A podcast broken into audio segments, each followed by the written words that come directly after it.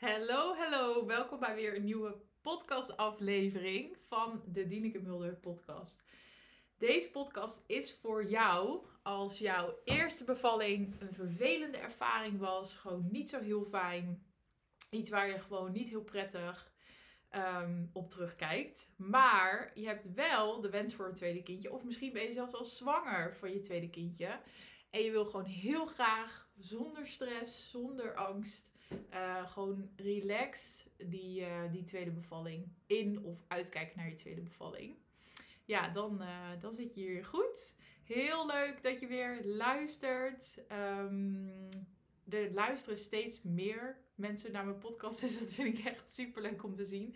Als je al langer luistert, nou, vind ik nog specialer als je net begint met luisteren. Welkom ja, ik deel hier eigenlijk mijn visie en mijn inzichten op hoe kun je nou zelf de kans vergroten op uh, dat jouw tweede ervaring, tweede bevalling, uh, wel een hele positieve ervaring wordt. Want ik ben er zelf van overtuigd dat dat, uh, dat, dat zeker kan. En dat je daar, nou ja, tot op zekere hoogte, maar dat je daar heel veel invloed op hebt. En hoe je dat doet, ja, dat deel ik eigenlijk in deze podcast en in mijn afleveringen. Dus elke Elke aflevering zoom ik eigenlijk in op een nieuw onderwerp. En daarnaast heb ik ook, ik heb dus mijn eigen aflevering, maar ook afleveringen waarin ik andere vrouwen interview. En daar, dat doe ik ietsjes breder. Dus in die interviews gaat het niet alleen maar over bevallen, maar eigenlijk over allerlei onderwerpen die met het moederschap te maken hebben. En welke ja, lastige situaties, ervaringen, hobbels je daarin tegen kunt komen. En hoe je dat uh, eigenlijk op een positieve manier um, kunt, ja, kunt gebruiken, als het ware, in je leven. Dus als je dat leuk vindt en je hebt ze nog niet geluisterd, de serie heet Positief over negatieve shit. Dus je kunt ze heel makkelijk terugvinden ook in mijn, uh, in mijn Spotify-lijst. En voor vandaag um, dacht ik aan het volgende onderwerp. En het is iets wat ik vrij vaak ook noem in mijn podcast en ook wel op Instagram. En dat gaat over wat ik altijd zeg, is dat je neemt jezelf mee in je bevalling. En dat, uh, daar zijn we ons vaak niet bewust van. Ik was me daar totaal niet bewust van toen ik voor het eerst ging bevallen. En um, wat ik daar nou precies mee bedoel en wat je daar um, ja, mee kan, wat je daar zelf mee kan, dat wil ik in deze aflevering uitleggen. Aan de hand van een, um, ja, een soort van uh, visualisatie of een visueel voorbeeld. Ik hou er heel erg van om dingen uit te leggen aan de hand van iets visueels, zodat het wat duidelijker en wat praktischer wordt. Uh, dit is een podcast natuurlijk, dus uh, ik ga het vooral uitleggen. En als je deze podcast ook op video kijkt, dat kan in Spotify, dan, uh, nou ja, dan zie je me ook heel veel handgebaren maken en dan wordt het nog duidelijker. Um, en ik vind de, dit vind ik een van de allermooiste ja, vind ik onderwerp om over te praten, maar ook iets wat mij um, ja, super veel inzicht heeft, heeft gegeven. Waardoor ik heel veel heb geleerd over mezelf door mijn eerste bevallingservaring. Oké, wat bedoel ik daar nou mee? Je neemt jezelf mee in je bevalling. Voor mij gaat dat over um, dat jij eigenlijk alles wat je daarvoor hebt meegemaakt in je leven, dus hoe jij bent gevormd al sinds je zelf baby was en hoe jij zelf bent geboren zelfs, maar we gaan niet te ver terug, maar alles wat je uh, vanaf dat moment um, hebt meegemaakt, dat vormt jou in je leven. En ik denk dat de meest um, ja, tekenende periode in je leven is van 0 tot en met 7. Je bent namelijk dan uh, vooral in je onbewuste en nog niet zo heel bewust. Je bent natuurlijk super klein en je gaat steeds meer uh, zeg maar bewust worden. En vooral in het begin ben je, nou letterlijk, je bent heel klein, heel afhankelijk van je ouders of verzorgers.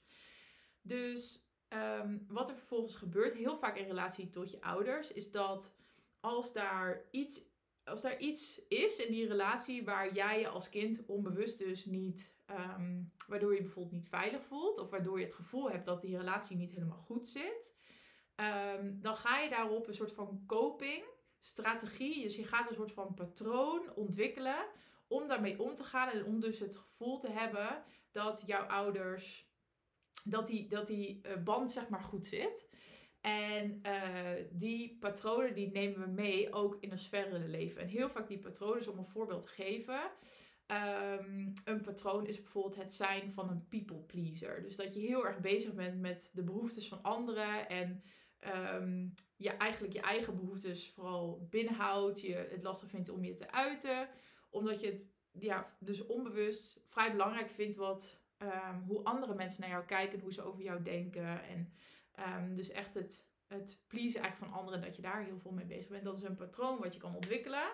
En dat is iets wat je, wat je heel erg helpt als klein uh, kind.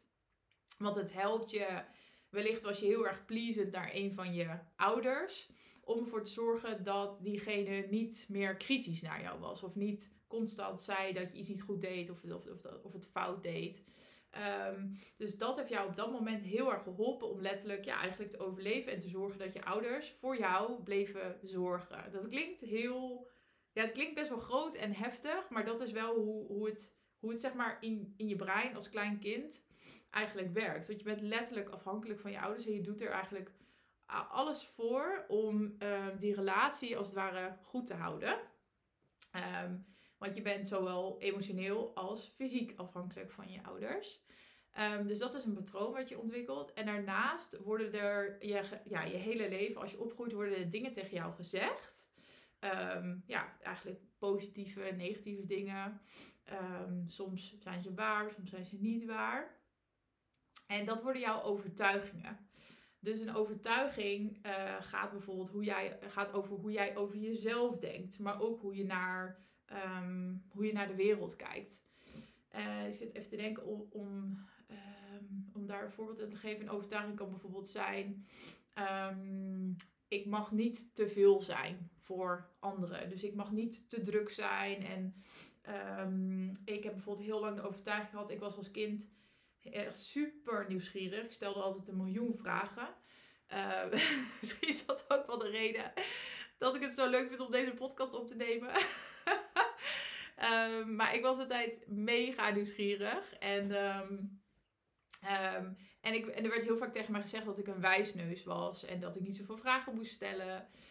Um, waardoor ik ook de overtuiging kreeg, en heel lang de overtuiging heb gehad, ik moet me inhouden, ik mag niet veel vragen, want dat is, uh, dat is verkeerd. Dus dat is een overtuiging die ik over mezelf kreeg.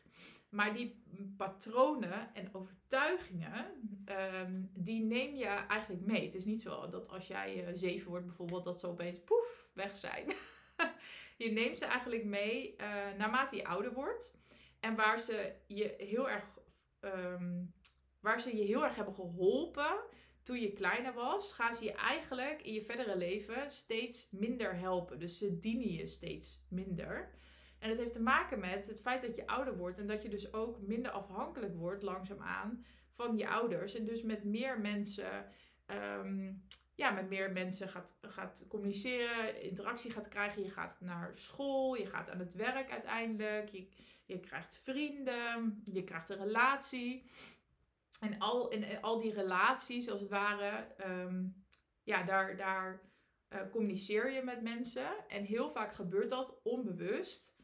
Uh, niet altijd hoor, maar vooral op momenten um, dat jij bijvoorbeeld een beetje stress ervaart of, of wrijving als je bijvoorbeeld een discussie hebt met iemand. Daar zul je in eerste instantie uh, vanuit dus je onbewuste op reageren. Dus vanuit zo'n patroon en um, bijvoorbeeld een patroon, uh, wat ik net noemde, dus het, het uh, pleasen van mensen. Zou je daar in eerste instantie vanuit je patroon op reageren? Of bijvoorbeeld als je iets hoort, zou je in principe sneller zal er sneller een gedachte vanuit een opkomen vanuit een overtuiging die je hebt, dan, ehm, ja, dan dat er een soort van andere, meer neutrale gedachte omhoog komt. Als je begrijpt wat ik bedoel. Dus die patronen en overtuigingen die voeren best wel vaak uh, de boventoon. En helemaal als je je daar dus niet bewust van bent. En um, die neem je dus ook mee in je zwangerschap en in je bevalling. En dat is natuurlijk bij uitstek een periode waarin er heel veel mensen betrokken zijn bij jou. Waar, waar, er, waar iedereen altijd het gevoel van er hangt heel veel van af. Um, want um, oh, zou het, wel, zou het wel goed gaan? En een gezond kindje. En, dus het is echt. Alles wordt opeens een soort van snel, um, gestopt. dus dat speelt heel erg mee. En in jouw. Uh, wat ik ja, wat ik, wat mijn overtuiging inmiddels is, of dat klinkt een beetje gek, omdat ik het net ook over overtuiging had, maar wat mijn, oké, laat ik zo zeggen, wat mijn waarheid is en wat ik inmiddels heb geleerd, is dat die patronen en overtuigingen, die bepalen heel vaak hoe jouw ervaring gaat zijn. Sterker nog, hoe het verloop van jouw bevalling gaat zijn. En, misschien als je dit voor het eerst hoort, denk je echt, what? Mindblowing. en, uh, en het kan ook best wel confronterend zijn, want heel vaak, toen, toen ik net was bevallen, toen dacht ik echt van... Nou ja, er is gewoon echt iets serieus fout gegaan. Mijn lichaam kan gewoon blijkbaar niet goed bevallen. Ik dacht, ik heb echt twee dagen later direct tegen mijn vriend gezegd: Nou, als we ooit nog een kind krijgen, dan wil ik sowieso in het ziekenhuis bevallen. Weer met een ruggenprik, want blijkbaar kan ik dit helemaal niet. Dus ik heb hulp nodig. Ehm, en heel vaak uh, denken we ook, en dit is natuurlijk niet altijd zo, maar ik durf echt wel te stellen inmiddels dat nou, ik denk waarschijnlijk in 90 of 95 procent van de, van de gevallen waarin vrouwen aangeven dat ze een vervelende ervaring hebben gehad, dat het heel vaak te maken heeft met een soort van. Ehm, ehm, dat het heel vaak niet echt. Ehm, zeg maar heel ernstige medische complicaties waren, maar dat het een soort van domino-effect is geworden. Ehm, van uh, keuzes die jij hebt gemaakt in je zwangerschap en ook tijdens je bevalling op basis van jouw patronen en overtuigingen die je hebt over jezelf. Dus om mijn, in mijn eigen ervaring, om daar een voorbeeld uit te geven. Uh, mijn domino-effect of mijn domino-steentjes zijn eigenlijk begonnen met um, omvallen als het ware. Op het moment dat, want ik wilde heel graag thuis bevallen, mijn vliezen waren gebroken. Op het moment dat de verloskundige tegen mij zei uh, je moet binnen 24 uur goede weeën krijgen, want anders dan moet je naar het ziekenhuis. En, um, um, en dan, dan word je medisch. En op dat moment, um, uh, zeg maar daarvoor, de patronen waar ik altijd heel erg in zat, is dat ik uh, ook een extreme people pleaser was. Ik vond het heel belangrijk dat andere mensen oké waren en oké met mij waren. En ik had ook een hele sterke bewijsdrang. Dus ik wilde altijd laten zien, ik kan het wel. En niet dat dat nu helemaal weg is hoor, maar het is wel echt. Ehm, ja, ik heb het stapje voor stapje, juist dus door al die inzichten die ik na mijn bevalling heb gekregen, om mezelf steeds meer kunnen loslaten. En ik ben me er weer bewuster van. Dus altijd als het omhoog komt, dan kan ik het veel beter zien bij mezelf. En soms is dat in het moment en soms is dat achteraf. Maar daar ben ik al ja, heel blij mee dat dat, uh, dat, dat, dat al zo veranderd is. Uh, maar voor mijn bevalling was ik me daar eigenlijk niet bewust van. Dus wat er op dat moment gebeurde toen die verloskundige had zei, nou één, ik raakte heel erg in de stress. Want er werd een soort van deadline opgezet. Dus daar, daar zou je iets over kunnen zeggen, natuurlijk de manier van communiceren. Maar als je nog een laagje dieper gaat, um, wat er bij mij gebeurde, wat heel interessant is. Want iemand zegt op dat moment, je moet, je wordt medisch, je moet naar het ziekenhuis. En ik dacht alleen maar, oké, nou dan moet ik naar het ziekenhuis. Ik heb geen enkele keer gedacht van, ja, maar wat wil ik eigenlijk? Ik wil graag thuis blijven en afwachten. Ik heb daar geen enkele keer over, over nagedacht. Dus dat zegt ook iets over mij. Want in principe, als je hem helemaal uitpakt, je moet natuurlijk helemaal niks. Weet je, het is uiteindelijk een advies, het is een richtlijn, het is een protocol waar je onder valt. Maar het is niet zo dat de, als jij zegt, nou ja, ik wil nog even afwachten, dat de politie je komt halen en je naar het ziekenhuis sleurt. Maar daar was ik me toen niet bewust van. Dus dat Ehm, als, als je dit herkent, is dat ook een interessante vraag om eens mee te beginnen bij jezelf. Niet veroordelen, maar ga gewoon eens onderzoeken van wat maakt nou dat iets, als iemand zegt dat ik iets moet doen, terwijl dat, nou, het is bijna nooit zo, hè, natuurlijk dat iets echt moet. Dus wat maakt nou dat ik daar dan direct, um, ja, dat ik daar direct dus een soort van in meega? Dat, dat vond ik een hele interessante vraag. En in mijn geval had het dus heel erg te maken met de people pleaser in mij. En ook, ik heb heel lang ook altijd het gevoel gehad dat eigenlijk andere mensen beter wisten wat goed voor mij was dan ik zelf. Terwijl ik had, ik, ik voelde wel die stress en ik had ook zoiets, ik wil helemaal niet naar het ziekenhuis, ik wil gewoon thuis blijven. Maar ik negeerde dat onbewust, omdat ik dacht van, nou ja, ja zij, zij zal dat wel beter weten. Zij zal wel weten wat goed voor mij is. En ik, en ik heb geen keuze. Dat dacht ik ook. Ik heb geen keuze. Ik ging altijd gewoon overal, overal in mee. Als iemand iets tegen mij zei, dan zei ik oké. Ik hield me altijd aan de regels. Dus uh, dat is wel heel erg veranderd. maar dat is heel interessant. Dus aan de ene kant kan je natuurlijk, want, want dat doen we dan heel vaak. Dan zeggen we, ja, maar die verloskundige had dan gewoon moeten zeggen dat je een keuze had. En ja, daar valt iets over te zeggen, maar het is interessanter om te kijken wat maakt nou dat jij dacht dat je geen keuze had. En dat heeft heel vaak te maken met patronen en overtuigingen die, zijn, die jij met je meedraagt. Uh, dus dat vind ik, ja, ik vind dat reet interessant. Dat vind ik veel interessanter dan, um, ja, ik wilde even zeggen. Ik vind dat, dat mindset stuk vind ik dus veel interessanter dan uh, gaan kijken, ja, wat kan een verloskundige dan beter doen? Um, want dan maak je jezelf nog steeds afhankelijk van hoe een verloskundige met jou omgaat. Uh, terwijl ik denk dat je er veel meer aan hebt om te kijken dus naar je eigen stukken en je eigen mindset en hoe je daarmee aan de slag kan. Want dan kan iemand nog tegen jou zeggen, als ik nu weer zou bevallen en iemand zou weer zoiets tegen mij zeggen, dan zou ik nou ja, in heel goed in staat zijn om te vragen, niet om daar ruzies te maken, maar dan zou ik zeggen van joh, maar wat is dan precies het protocol? Um, waarom is dit dan risico? Hoe groot is dat risico? Uh, dan zou ik zeggen, ik wil graag thuis blijven. Dus hoe kunnen we dat samen voor elkaar krijgen? Dus veel meer mijn keuzes gewoon hup communiceren. Dit wil ik. En hoe gaan we dat dan samen doen? Dus wel die verbinding opzoeken. Dus dat is heel, heel anders. En daar heb je echt.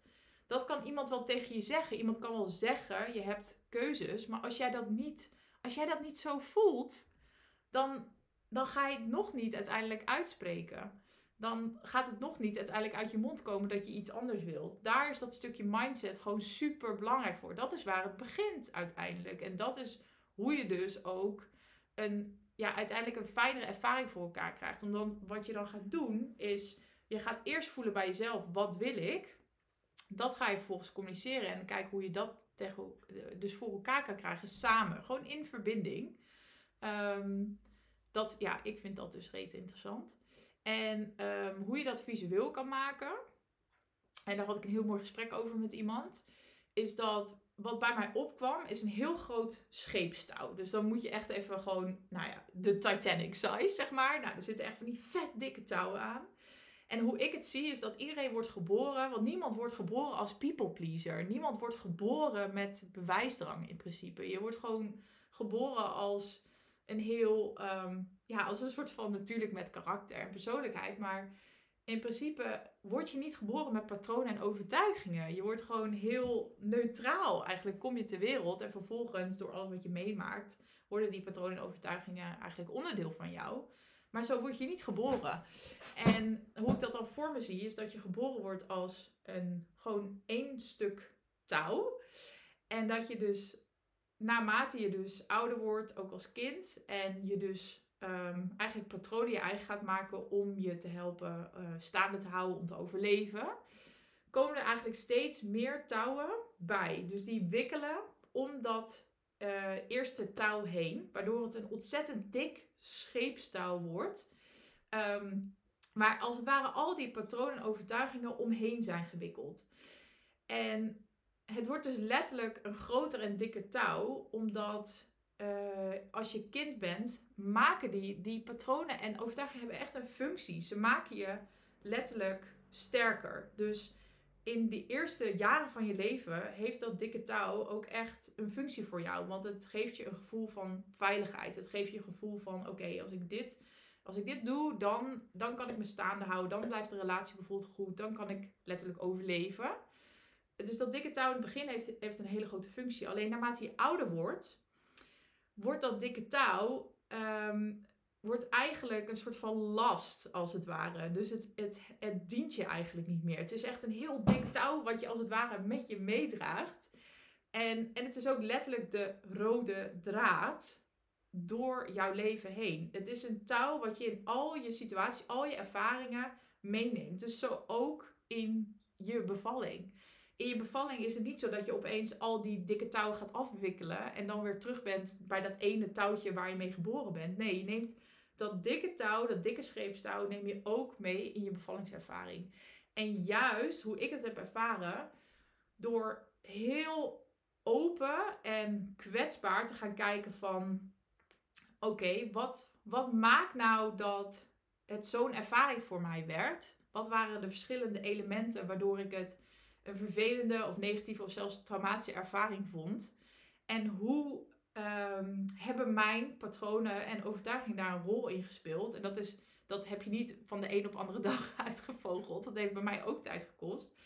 Maar daardoor, doordat je daar bewustzijn op krijgt, kan je dus stapje voor stapje steeds meer dat dikke touw gaan afwikkelen, als het ware. Dus de touwen loslaten die jij niet meer nodig hebt.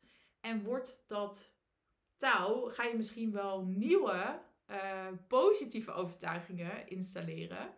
Waardoor dat touw um, niet meer zo log en dik wordt. En dat het, juist, dat het je juist een touw is wat je dient en wat je helpt om eigenlijk verder te gaan in je leven, weer in andere ervaringen. En ga je misschien wel een soort, een soort van nieuw touw, wat aan het dikke touw is, maar ga je een nieuw touw als het ware starten. Ja, ik hoop dat het. Uh, ik hoop dat je iets hebt aan dit voorbeeld. Maar het was bij mij echt, het kwam echt direct omhoog. Ik dacht, ja, dit is echt volgens mij zo'n goed voorbeeld van hoe dat dan is. Dus dat eigenlijk dat jij in de kern gewoon een dun, maar stevig touw bent. Maar dat er gedurende je, vooral je kindertijd, je jeugd, allerlei dikke, dikke touwen omheen wikkelen. Die jou op dat moment dienen. Maar later eigenlijk niet meer. Later is dat dikke touw gewoon eigenlijk een last uh, die je met je meedraagt. En um, daarmee bedoel ik niet trouwens dat je dat al die patronen overtuigingen maar dat je die maar, gewoon soort van moet weggooien of dat je heel hard je best moet doen om, da, om die om af te komen van al die touwen. Want als ik naar mezelf kijk, bijvoorbeeld mijn, mijn people pleaser, mijn, mijn, uh, en mijn bewijsdrang, heeft me ook op sommige dingen heel ver gebracht. Uh, mijn bewijsdrang heeft er ook voor gezorgd dat ik, denk ik, dat, ik in, dat, ik, dat het me is gelukt om gewoon mijn eigen bedrijf te starten. En gewoon van het een op het andere moment mijn baan op te zeggen, een eigen bedrijf te starten om deze coachingpraktijk uit te bouwen. Dus het, heeft, het is ook positieve kanten. Alleen ik denk dat de vraag um, heel erg is van, um, door je er bewust van te worden, um, de balans te vinden tussen wanneer kan je die die patronen bijvoorbeeld op een positieve manier inzetten en wanneer dient het je nou niet? Wanneer werkt het je eigenlijk tegen en werkt het de andere kant op? Um, en dat, ja, dat vind ik dus, die combinatie met bevallen, uh, vind ik echt fantastisch. Ik kan hier uren over praten. en dat doe ik ook in deze podcast. um, maar ja, ik vind dat gewoon uh, echt rete, rete interessant. Um, ik ben heel benieuwd of je hier uh, dingen in herkent. Of als je dit hoort, dat er ook direct bij jou misschien dingen naar boven komen van. Of dat het klikt van. Ja, dit is ook een soort van patroon. Er zijn natuurlijk heel veel verschillende voorbeelden, verschillende patronen en overtuigingen. En um, ja, laat me dat vooral weten. Vind ik echt heel leuk om te horen. Dat klinkt een beetje gek, maar ik vind het gewoon super leuk om al jullie, om jouw verhaal te horen, al jullie verhalen te horen.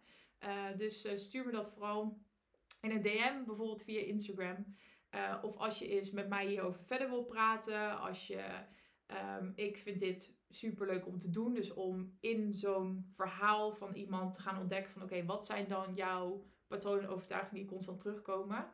Dus als je dat leuk vindt om dat dus gewoon samen te doen, helemaal vrijblijvend, dan kan je ook een, uh, gewoon een gesprekje, gratis gesprek met me inplannen. En dat kan via de link in de show notes. Dan kan je gewoon direct iets in mijn agenda plannen.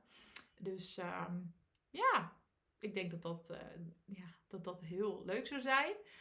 Um, daarnaast zou ik heel, heel, heel, heel, heel blij zijn als je mij een review zou willen geven. Of op Apple Podcast of Spotify. Het kost letterlijk twee seconden.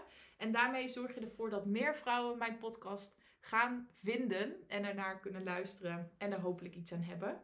Uh, dus um, dank je wel alvast als je dat zou willen doen. En... tot de volgende.